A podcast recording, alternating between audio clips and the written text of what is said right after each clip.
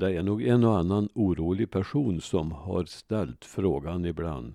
Vad händer om Höljesdammen brister?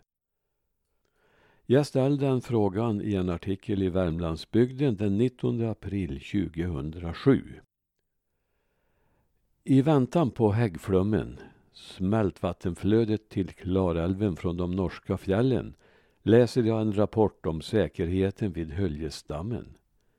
Det är en grupp oberoende internationella experter som har granskat säkerheten hos ett antal svenska dammar och dessvärre funnit en del brister.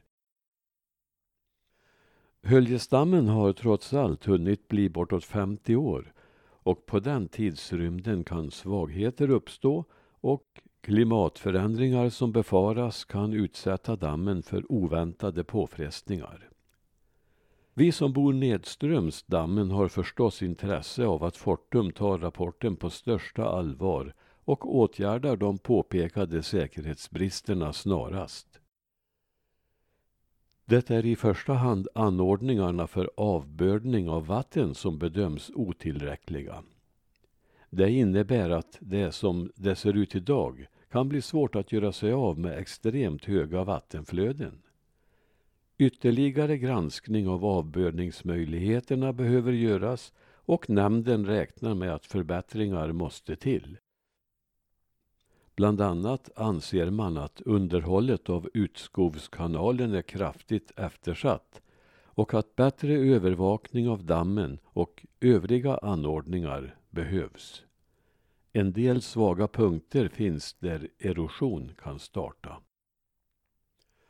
Något oroväckande läsning är det förstås, men jag finner ändå ett lugnande besked. Nämnden finner vidare att fyllningsdammen i Höljes är en utmärkt konstruktion till såväl utformning som genomfört bygge med endast ett fåtal inbyggda svagheter. Ja, så lät det i den rapporten. Lugnande är det ju också att Fortum nu har fått denna information och givetvis kommer att utföra de åtgärder som är nödvändiga för säkerheten. Jag plockar fram en gammal utredning, en modellberäkning av vad ett dammbrott skulle kunna åstadkomma vid ett ordentligt ras. Där redovisas olika modeller, men alla med katastrofala följder för Klarälvdalen. Naturligtvis är det hypotetiska beräkningar, men vi förstår alla nödvändigheten av att dammen håller. Vid ett brott skulle flodvågen svepa fram med en våldsam kraft och vattenståndet skulle tillfälligt höjas upp till 17 meter vid Höljesbron, 11 meter vid Klarabro, 9 meter vid Brannäsbron, 6 meter i Ambjörby och närmare 5 meter i Ekshärad.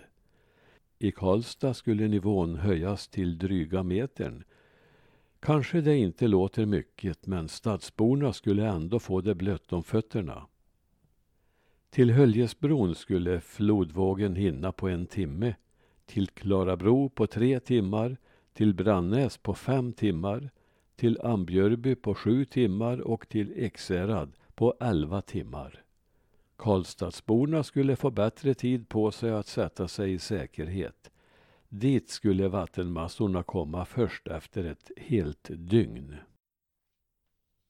Det maximala vattenståndet på de olika platserna skulle nås några timmar efter vågens ankomst för att sedan sjunka och avslöja vad som återstår av bebyggelsen. Allt enligt modellberäkningen.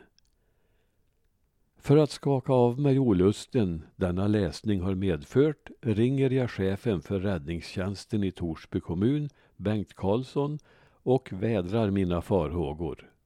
Jag inser att jag behöver några lugnande ord och det är lyckligtvis just vad jag får. Ett dammbrott kommer inte så plötsligt utan man hinner få förvarningar. Det är Bengt helt övertygad om. De nämnda beräkningarna är vad som kan ske i allra värsta fall. Förr varnade man med ringning i kyrkklockorna när det var fara, men idag är det lokalradion som fått överta kyrkklockornas roll. Täta rapporter kommer att ges vid eventuell fara. Men då gäller det ju att man har radion på. Också har ju lyckligtvis undersökningen gjorts som pekar på de brister som kunnat utgöra säkerhetsrisker, säger Bengt. Han är givetvis medveten om vilken skada ett dammbrott skulle medföra och beredskap finns för de åtgärder som skulle kunna vidtas. Det viktiga är naturligtvis det förebyggande arbetet. Det är Fortum som ansvarar och jag ringer Rolf Steiner som är dammteknisk sakkunnig på bolaget. Hur rädda ska vi vara? Man ska inte vara rädd alls, svarar han. Det görs en utredning som helt enkelt går ut på att uppgradera den 50 år gamla dammen till dagens behov. De försvagningar det talats om är marginella och det gäller i första hand att se till att dammen svarar mot dagens ökade krav på säkerhet.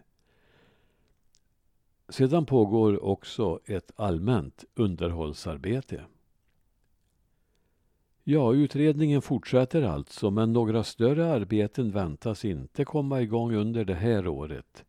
Men en upprustning för mångmiljonbelopp väntar. Men rapporten kom inte som någon överraskning, säger Rolf Steiner. När det gäller klimatförändringar och deras eventuella risker för Höljesdammen har han även där lugnande besked.